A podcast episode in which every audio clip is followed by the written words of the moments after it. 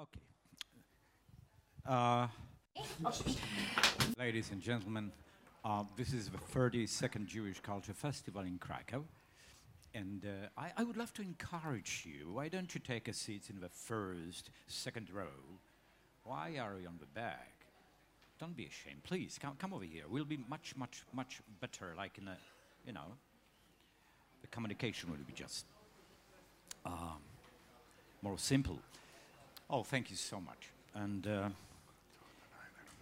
it's, I, I have a great honor and a privilege to introduce you a friend of mine, great friend of mine, Mr. Yossi Klein Halevi, who, as you perfectly know, has been few times in Krakow already with lectures, one year, f- four times.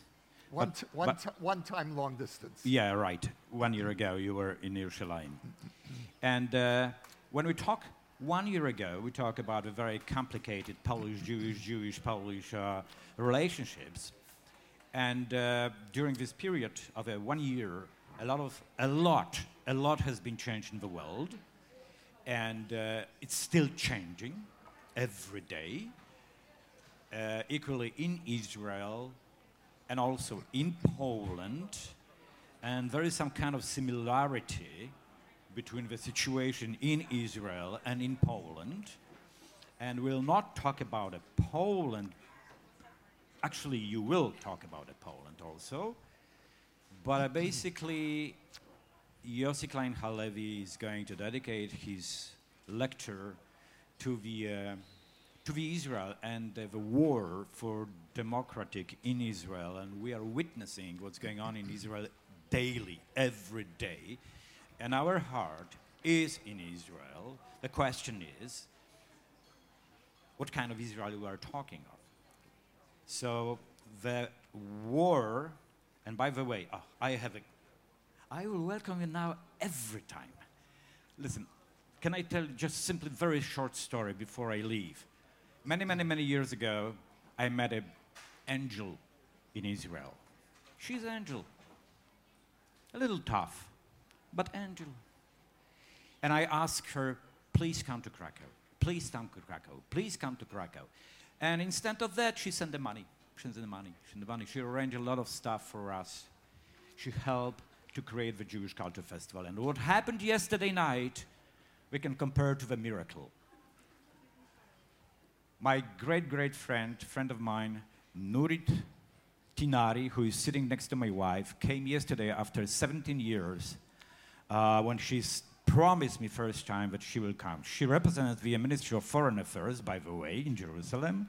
And thanks to her, we can organize this festival. You know what I'm saying, you? You know what I'm saying, you? Yeah.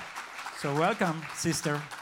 And once again, it's a great, great pleasure and a privilege and honor and always a, a great joy to, to, to host the Yossi Klein Halevi and especially with his wife Sarah, who also came from Jerusalem, Yerushalayim, because, you know, being here, we feel that we are strong enough and we are together. Thank you so much. Yossi, the floor and microphone. Do you have a microphone? Oh, yes, you have. Is yours. Thank you. Janusz, thank you.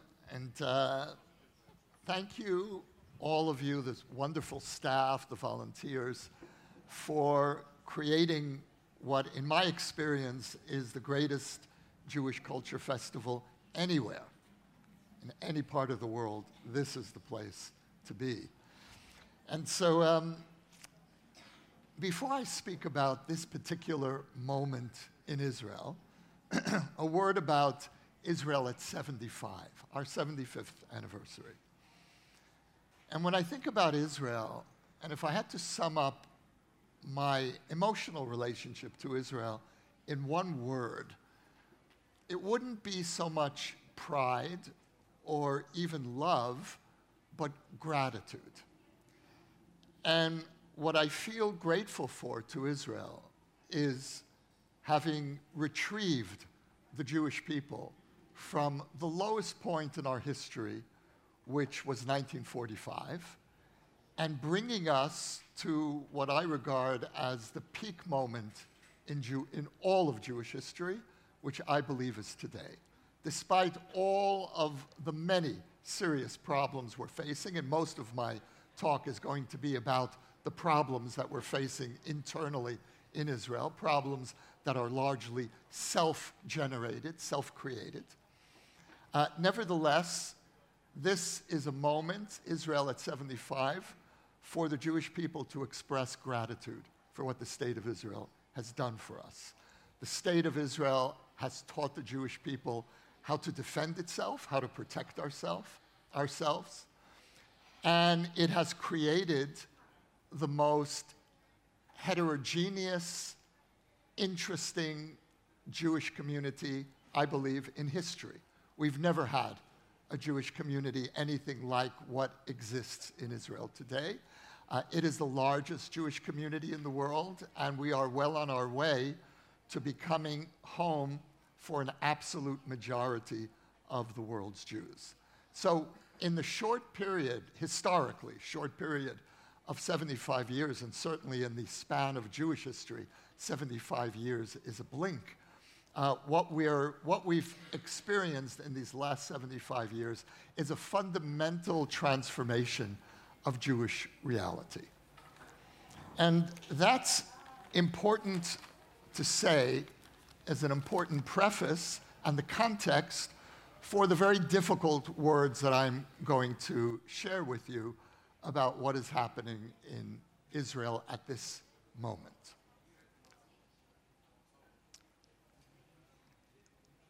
I've spoken here before about my connection to Poland, my personal connection, and how deepening the relationship between Poland and Israel has been really one of the commitments of my public life. And I first encountered Poland in the fall of 1989, October 1989, one of the most extraordinary moments, not only, I think, in Polish history, but in modern history in general. And when I think back to the fall of 1989 here, what I experienced overwhelmingly was this sense of hope and pride that Poland had finally achieved not only independence, not only political freedom, but democracy. And there was a sense of unlimited possibility.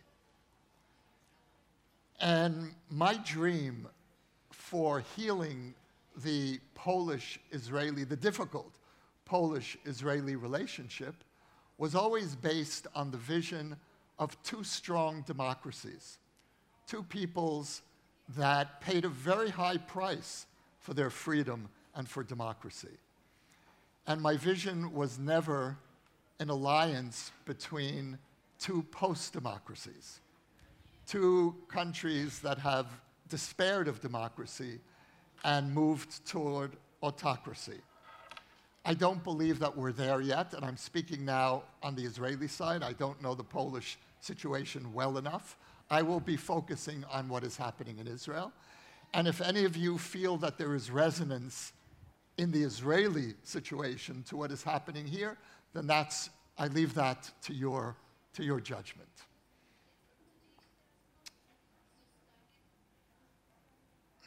I'm speaking to you as someone who is deeply involved in the democracy movement in Israel. I'm not a neutral observer. I'm coming and reporting to you from that particular front. And what I'd like to focus on are what are the issues that we're really debating about? What's at stake for Israel? Why is this happening at this particular moment? And what are the chances for the success of the democratic movement? A couple of weeks ago, we had a visitor from Poland, Professor Wojciech Sadurski. Some of you may know the name, an international expert on democracy and how democratic societies lose their democratic institutions and norms and gradually become autocratic. And Professor Sadurski spoke at some of the democracy demonstrations in Israel, and he spoke of four stages in, in, a, in an aut- autocratic assault on democratic norms. The first stage is as soon as you come to power, you immediately begin to demonize the opposition as traitors to the nation, as the enemy of the people. The next stage is to try to control the independent courts. The stage after that is to try to control the independent civil service, to appoint corrupt and incompetent civil servants instead of a professional level. And finally, to try to intimidate the, the free media and eventually to replace the free media with a government controlled press and electronic media.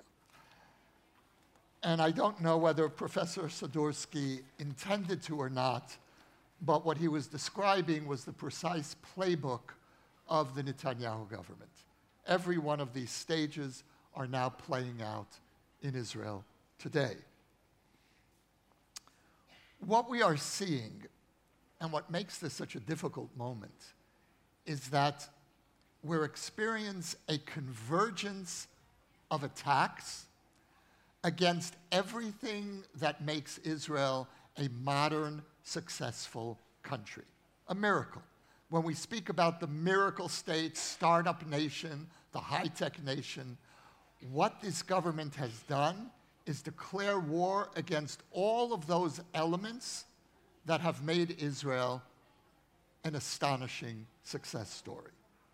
This is a coalition among political extremists, religious fundamentalists, and the simply corrupt without any ideological background. And the ways in which this government is attacking Startup Nation is, first of all, strengthening the ultra Orthodox separatist state within a state. The ultra Orthodox community in Israel, which is about 15% of the population and growing substantially because of the large numbers of children, uh, essentially functions uh, as its own mini state with its own rules. And this government is transferring more resources to the separatist ultra Orthodox, who are Israeli society's least economically productive element. Most of their young men sit and study in religious seminaries rather than entering the workforce.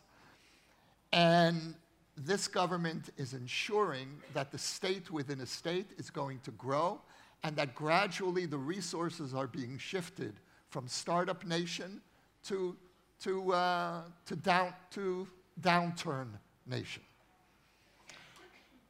The second way in which this government is assaulting modern, successful Israel is by encouraging or turning a blind eye to growing settler violence in the territories.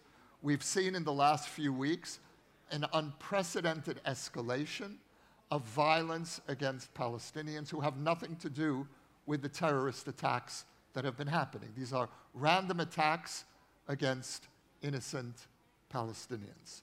We're seeing dozens of homes being set on fire, uh, people being beaten up, injured.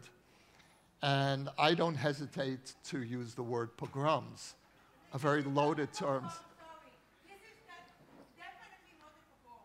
Okay, here's, so let me explain to you. Let me, let me, ex, let me, ex, let me explain to you. Wait a minute, everybody. Wait a minute. Wait, sit down. Sit down. Sit down, and let me explain to you the rules of how we're going to conduct this conversation the conversation, I am going to say things that may be very upsetting to people on the right and people on the far left. So you're being prepared. I'm preparing all of you that this is not going to be an easy conversation. If any of you feel that you can't contain yourselves when I say difficult things that you're, and this is the be, just the beginning, difficult things that you are going to hear in the next hour, I urge you to leave. I hope you'll stay and listen. When we have a question and answer period, I will call on you and you can say your piece, but not before. You will not interrupt me. You are not invited to interrupt. You are invited to control yourself. And if anyone here has a problem with that, I'm sorry, but this is a free gathering. Everyone is here on their own free will. No one is being coerced to participate.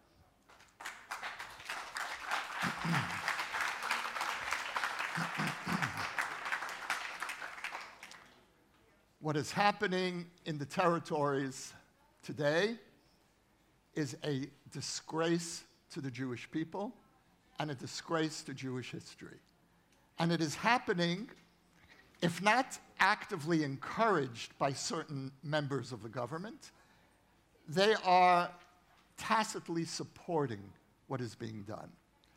Our Minister of Internal Security, Tamar Ben-Gvir, who is in charge of the police, just yesterday referred to the pogromists as sweet kids. Sweet kids. And this is the kind of indulgence that we're seeing coming from the highest levels of this government. We've never seen anything like this before. We have had many right wing governments. This is something different. This is not a normative Israeli government. This government is also destroying the civil service, the independent civil service. It is trying to destroy the independent judiciary. And the purpose really here is to control the entire state apparatus and to politicize all aspects of Israeli governance. When you put all of this together, the net result is an existential threat which is internally generated. You know, in Israel, we're used to dealing with existential threat. We were born in an existential moment. We have lived with existential threat from the very beginning. We have never experienced before a life and death threat to the future viability of Israeli society from within. This is, I believe, such a moment. What was inconceivable in Israel a half a year ago has now become routine. We have a prime minister on trial for corruption who has arrogated for himself the right to interfere with the judicial system and to try to initiate the most far reaching transformation of the legal system in Israel's history. This is not judicial reform. That's the government's language. This is judicial revolution. We have a man, Itamar Ben Gvir, whom, who was not drafted, whom the army considered too dangerous to place a gun in his hands, who today is in charge of the Israeli police, and whom the government has recently voted to grant him what is, in effect, his own private militia. We have mass beatings, burnings, burnings of homes. If the word pogrom uh, is, uh, you feel is inappropriate, then choose your own word for the atrocities that are happening in the territories. And we have the indulgence of leading members of the government for these atrocities. Now, supporters of the government will say that people like me are sore losers. We claim to be supporting democracy with our demonstrations in the streets, but really this is a democratically elected government, and it is. A majority of Israelis elected this government, only by a few thousand votes, but nevertheless still a majority. And people like me simply can't accept the fact that the right wing is in power. Now, I moved to Israel in 1982. Menachem Begin, the head of the Likud, was in power. Most of the governments that I've known as an Israeli have been right wing governments, Likud governments. I voted for some of those governments over the years, and for me, there was never a question whether I agreed or disagreed with certain government policies. There was never a question of the legitimacy of a government until now. This government uses the language of traitor to describe people like me who oppose them. And we are accused of turning the world against the Israeli government, as if the world isn't paying attention to what's happening in Israel. And it's only because we're demonstrating in the streets that the world is noticing that something fundamental has changed in Israel. There is in the Israeli far right, and this is not a right wing government, this is a far right government, there is a fundamental inability to understand how the modern world works and what Israel's place is in the modern world. Zionism was always about two forms of return. The first return, of course, was the return of the Jewish people to its ancestral homeland. The second, no less important part of the Zionist vision of return was to return the Jewish people to the community of nations, that we would become a nation among nations. This government, ideologically, large parts of this government, I'm thinking of the far right and the ultra Orthodox in particular, view the outside world as an enemy. The entire non Jewish world hates the Jews, always did, always will. And in that sense, to my mind, it is fundamentally anti Zionist. Because Zionism was really an optimistic movement about the place of the Jewish people in the world. That we would be able to transform the abnormal situation of the Jews in the world, and by creating a state, we would be able to normalize the situation of the Jewish people. That is fundamental to classical Zionism. This is the first government which I would describe as an anti Zionist government. And it calls itself an ultra Zionist government, a hyper nationalist government, but in its instincts, in its fear and mistrust of the rest of the world, I see this as antithetical to one of the core principles of Zionism.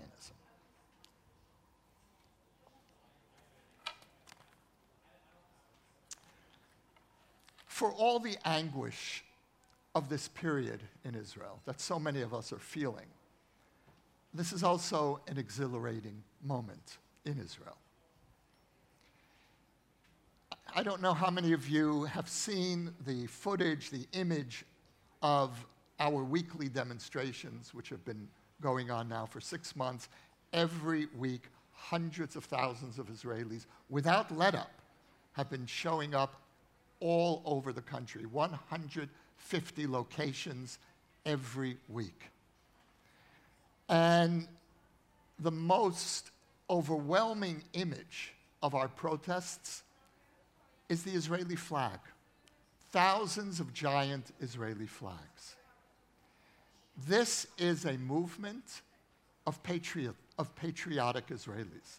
This is an eruption, a revolt, not against the Zionist ethos, but an attempt to save the Zionist ethos from a government of scoundrels. And there is no protest movement like this that I can think of anywhere in the world. I grew up in the United States, as you can hear from my accent. And a liberal protest movement in the United States would not have thousands of American flags as its symbol. In the US, unfortunately, the flag now belongs to only one side of the political debate, and that's the right. The liberal side doesn't flaunt the symbols of patriotism. In Israel, we have refused to allow the right to claim a monopoly on patriotism. And I think this is one of the great successes of the protest movement. The, the movement is, for the most part, an eruption of the Israeli center. The Israeli left, of course, is part of it, but the Israeli left is very small today. This is something that many people abroad don't sufficiently understand about what's happened in Israel in the last 20 years. Israel is no longer really divided between the right versus the left. There's very little left left in Israel. And uh, instead, what you have is a very strong center. And the, the, the, the core debate, political debate in Israel today, is the right versus the center. And what that means really is that the right has been deprived of one of its strongest propaganda claims, which is we, the right, are upholding the, the nation's interests. We're the ones who care about security. If you look at who's, who's leading the demonstrations on the streets, they are the veterans of the most elite combat units. Every former living commander in chief of the IDF, of the Israeli army, is out on the streets every week speaking at these rallies. The heads of the Mossad, everyone except for one that I can think of, uh, is actively part of this movement. All the living heads of the Shin Bet are out on the streets every week. This is an eruption of, of, of those Israelis who are desperately afraid for the future of Israel, for the future of successful modern startup nation, and who see this government as the greatest threat to our ability to defend ourselves and to maintain our edge as a modern, successful economy in the Middle East.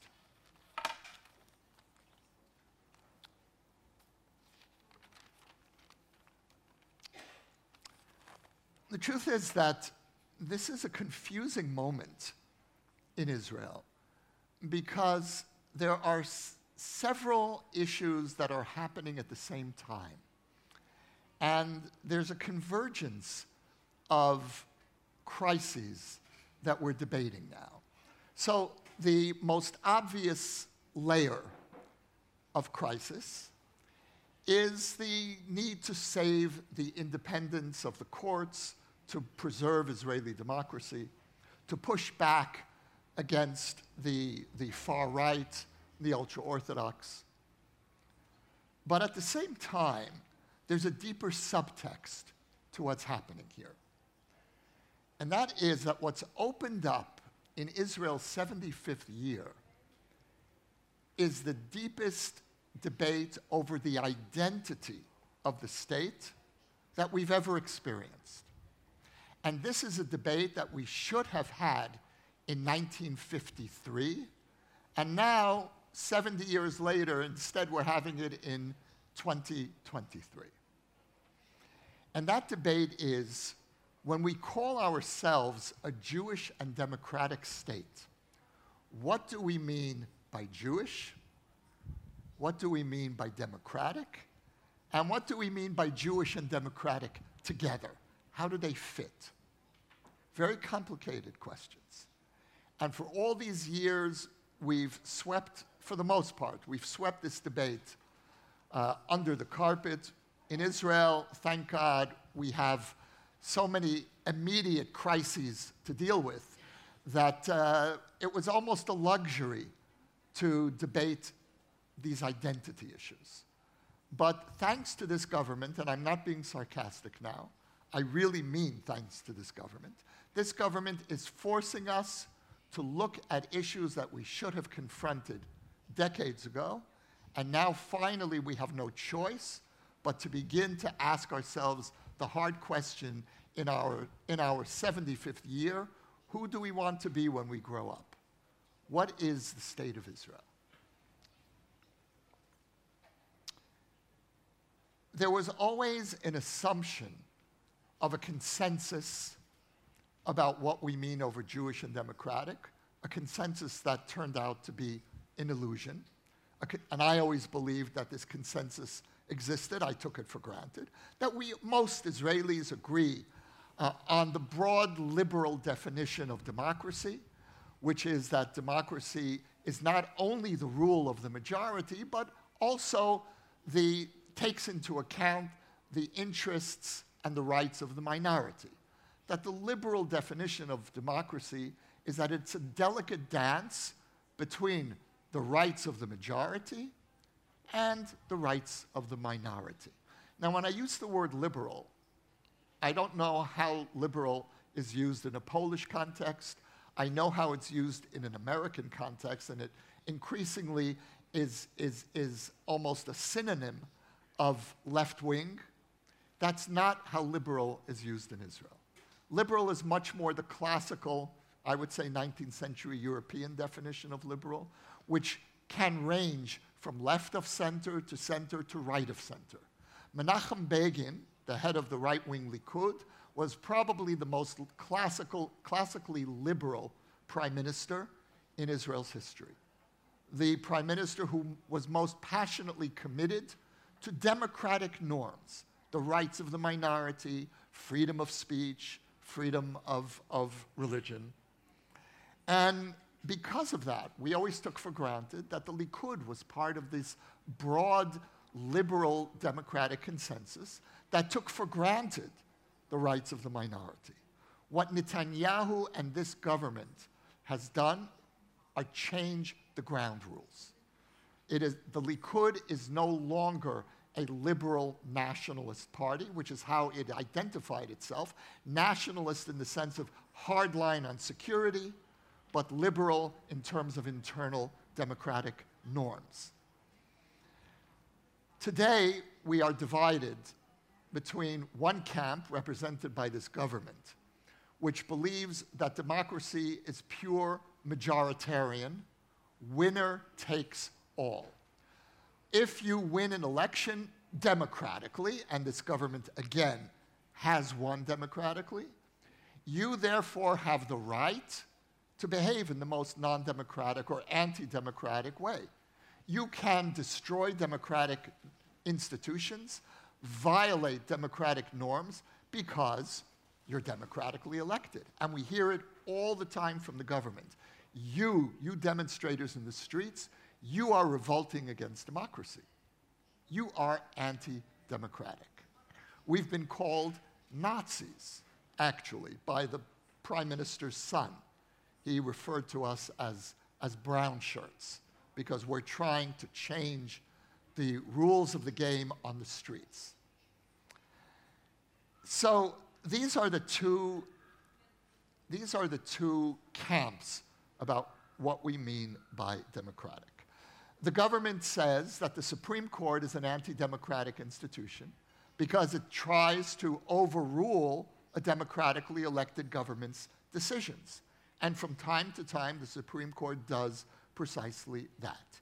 And as the government will say, who elected these 15 Supreme Court justices? We are democratically elected. You represent no one but yourselves. What they fail to understand is that that is the purpose of the court. The purpose of the court is to protect the minority against an overreaching, aggressive majority. That's precisely what we mean by a balance of power. Now, in Israel, we have only one house of parliament, which means that the prime minister effectively controls parliament. The only counterbalance we have to the prime minister and to parliament is an independent court. If you undermine the authority of the independent court, you effectively hand all or most power into the hands of the prime minister. The fact that this is a prime minister who happens to be on trial for corruption only makes this all the more surreal, outrageous.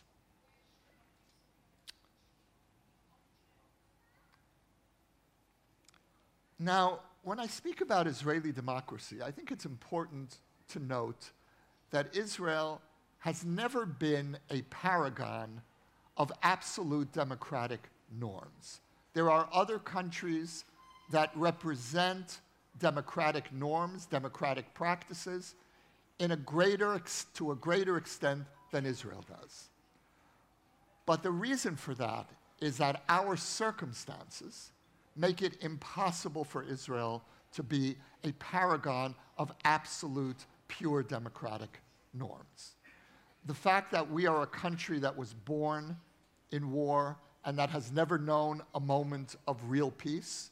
There is no other democracy in the world that I can think of that, that, that deals with the kinds of security threats that we have from the moment of our birth, means that built into the Israeli experience has been the need to balance democratic norms with security needs.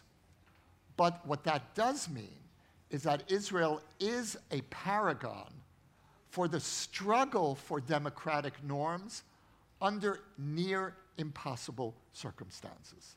I believe that most countries in Israel's place would have long ago ended a democratically, a, an independent Supreme Court, a democratic press that freely criticizes the government. Given all of the security threats that we face, another other countries in our place would have likely abandoned democracy long ago. And so I celebrate Israeli democracy, even with its imperfections, and I might add, precisely because of its imperfections.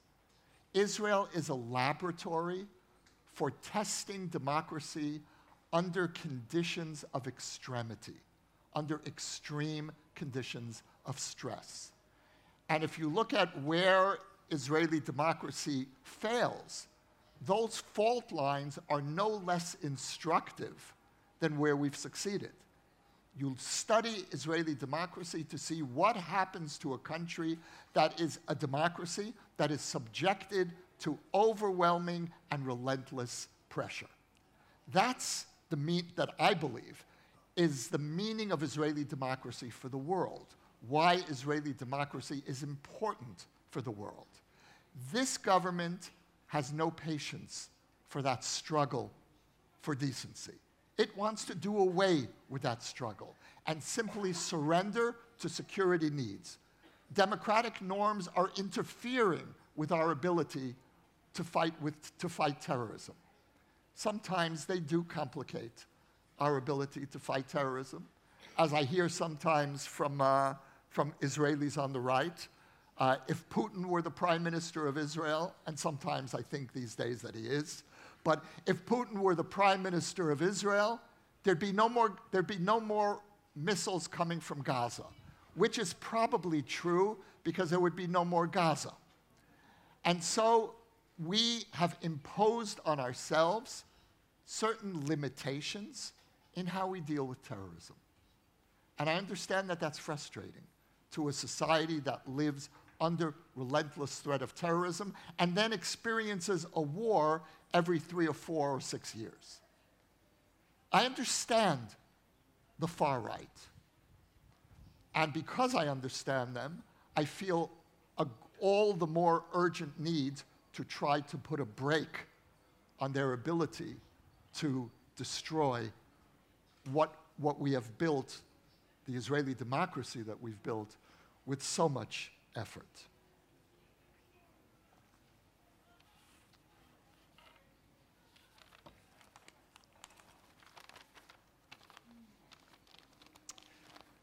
So that's the struggle then over Israel as a democratic state. What do we mean by a democratic state? Winner take all or a more complicated dance? The second crucial identity issue, I would actually say the first, Israel is founded as a Jewish state. That's our primary identity. But what do we mean? What is a Jewish state?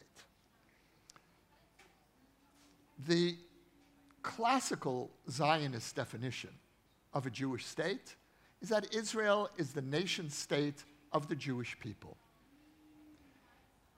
Whoever the Jews are, whatever Jews believe, full Jews by birth, half Jews, quarter Jews, the law of return, which is the ultimate Zionist law in Israel, which guarantees free and immediate entry and citizenship for anyone who is part of the Jewish people, is a very flexible law.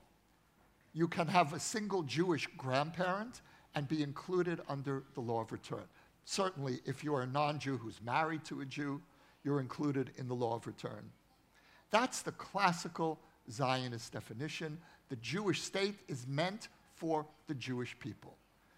This is the first government that I would describe as seeing a Jewish state as not only being the state of the Jewish people, but even more so, the state of Judaism. Israel is the state of Judaism. And not just Judaism in its broadest sense, but one particular part of Judaism, Orthodox Judaism. And so this government is going to attempt to, as once it clears the, the, the minefield over the, the fight for democracy, my prediction is that the next great fight is going to be over preserving or changing the law of return. Because there, there, are strong elements in this government that hate the law of return as it's currently uh, configured and wants to constrict the definition of who will be allowed to enter into Israel as a citizen to those who conform more to the Orthodox definition of who is a Jew rather than the Zionist definition. And these are two very, very different understandings. Now,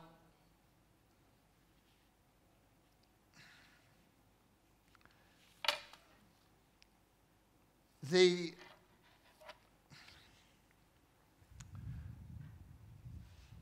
the greatness of Zionism when it emerged in the 19th century was to not only present a political vision for the Jewish people, statehood, sovereignty, power, but Zionism was much more radical. Zionism was offering a new definition for, for the Jews. And for 1700 years, during the period of the exile, up until the 19th century, what held the Jewish people together was rabbinic Judaism, Orthodox, what today we call Orthodox Judaism. You could go in the Middle Ages from Morocco to Yemen to Poland to, to, to Russia, and you would feel reasonably at home in the language and culture of every Jewish community, which is an extraordinary achievement for a dispersed people rabbinic Judaism created a framework that held the Jewish people together for 1700 years of exile. Beginning in 19th century Europe, religion which held us together now became that which tore us apart. Religion became the most divisive part of Jewish identity. And so Zionism comes along almost, I would say, as a religious Jew, I would say providentially. Zionism comes along at precisely this moment when we've lost rabbinic Judaism as a shared language of, of unifying us.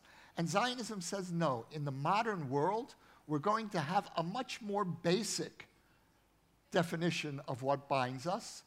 And whoever is part of the Jewish people is part of the Jewish people heretics, half Jews, quarter Jews, the whole Jewish mess that modernity has created.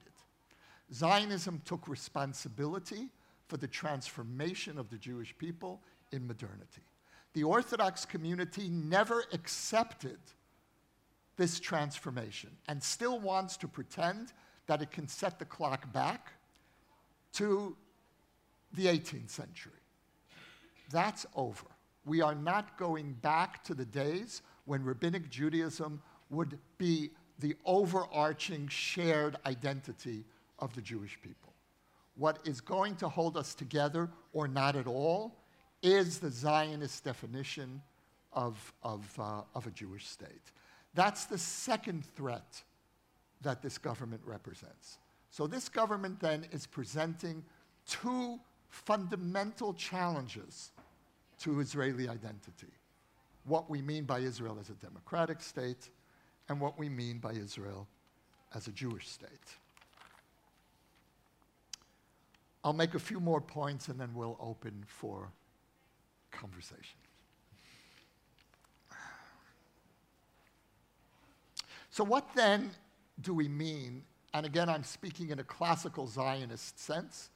What do we mean by Israel as a Jewish and democratic state? We know that not all Jews are Israelis, and not all Israelis are Jews. So, what is a Jewish and democratic state? My definition, and this is based on my reading of the Declaration of Independence, which is not only our formative declaration, not only our former um, document of identity, but the Declaration of Independence has a certain legal weight in Israel as well. My reading of the Declaration is that Israel is the state of every Jew, whether or not they are citizens of Israel, and it is the state of all of its citizens, whether or not they are Jews. The state of all Jews, whether or not they are citizens, the state of all citizens, whether or not they are Jews. Now, that creates unavoidable tensions, not only in, in, the, in the philosophy, the political theory of, of, of a state, but in practice, especially when you consider that the non Jewish minority in Israel is Arab, is Palestinian, and so, in some sense, is at least emotionally, culturally aligned with the enemy that Israel has been fighting for 75 years. It creates a very complicated majority minority dynamic. But the truth is that it's complicated even in its own most basic conceptual sense. Zionism set out to take responsibility for the Jewish people and to recreate the Jewish people, which it succeeded in doing. It brought Jews from every part of the world, literally 100 countries, back to our point of origin. It's the strangest story in human history. There is no story like this anywhere. It's really a bizarre story. And yet it succeeded. But at the same time, Zionism did something that I'm not sure its founders fully understood, which is it created a new people, a new people called the Israelis. Now, obviously, there is a great deal of overlap between the Jewish people and the Israeli people, but they are not totally identical. Not, again, not every Israeli is a Jew, and not every Jew is an Israeli. And so Zionism must respect both identities. Zionism must own the fact, own its success in, in, in recreating the Jewish people and creating a new people, the Israelis. And we have to take full responsibility for that.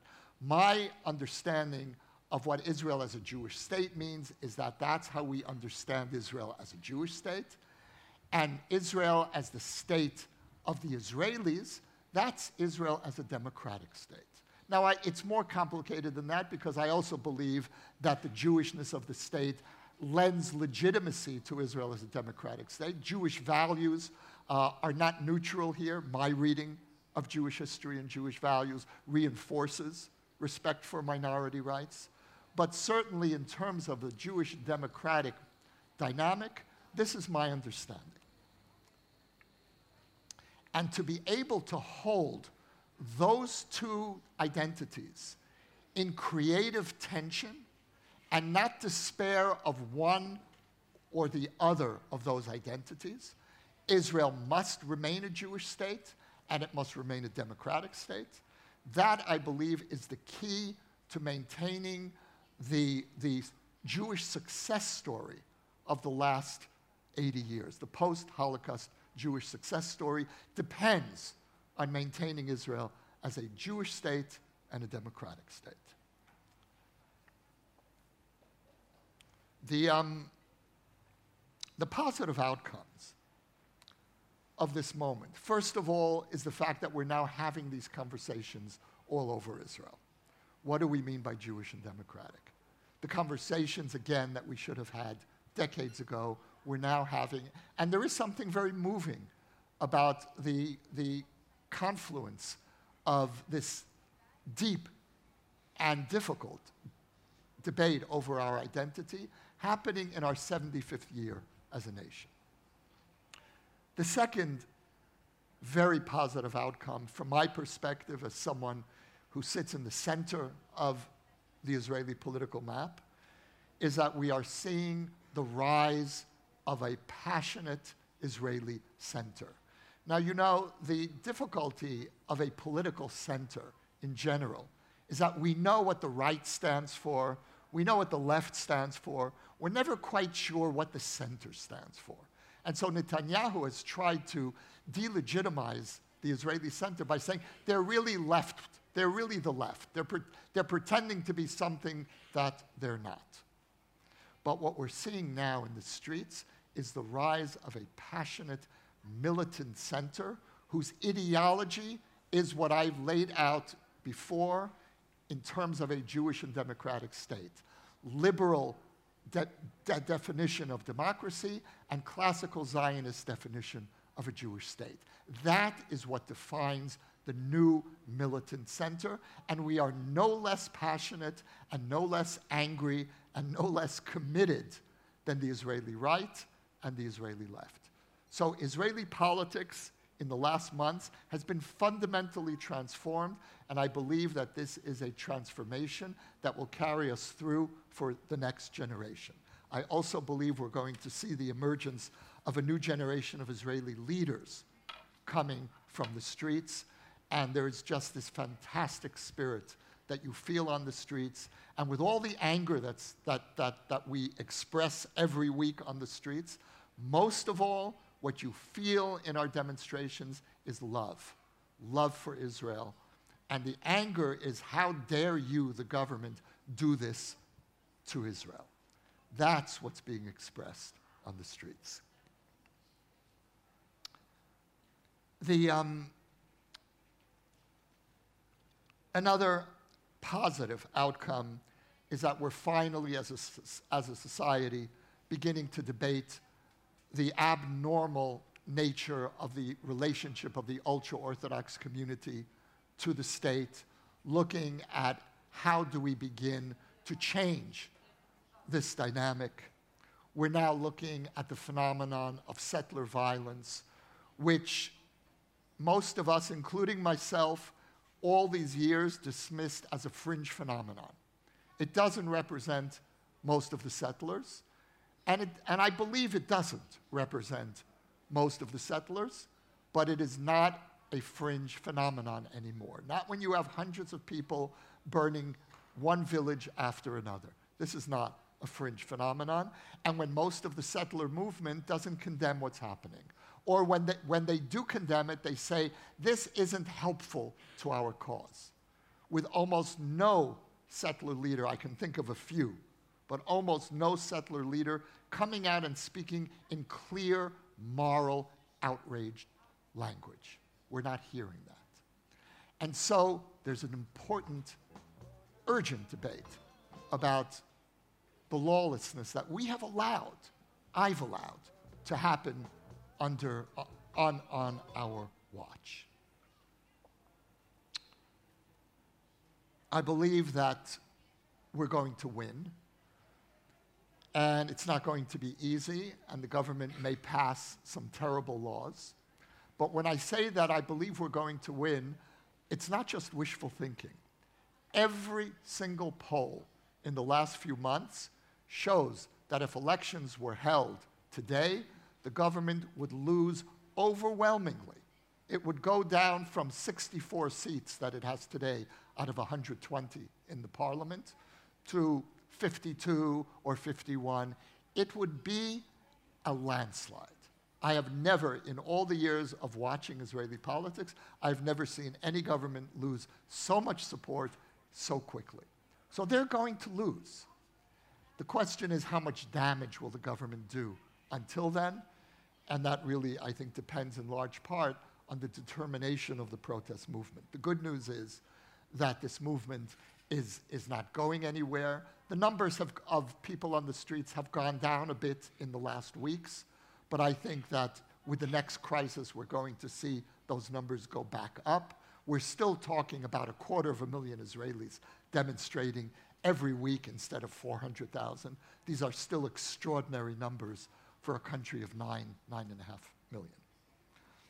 So I believe that the next government is going to reestablish a broad Zionist consensus ranging from left of center, center to right of center. And I hope it will include a post Netanyahu Likud, a Likud that will have to seriously confront itself and ask itself some very hard questions of how it allowed itself to be co opted by the far right and to destroy its identity as a liberal nationalist party. But I believe that that's going to happen because that's where the, the gravitas of Israeli, of the Israeli political will lies. And the crucial point here is the government likes to speak of itself as representing an overwhelming majority. That was never true. It wasn't true the day after the elections. Today, it is. It is a, a myth. Uh, we're not even divided 50 50 anymore. There is a strong majority that opposes the way this government has gone about trying to change the courts. And so finally, I think that we're going to look back at this moment in the future and realize that this was the moment that a majority of Israelis decided that what was cannot be. And this was the moment when we saved Israel as a liberal democracy and Israel as a Zionist Jewish state. So let's open for conversation.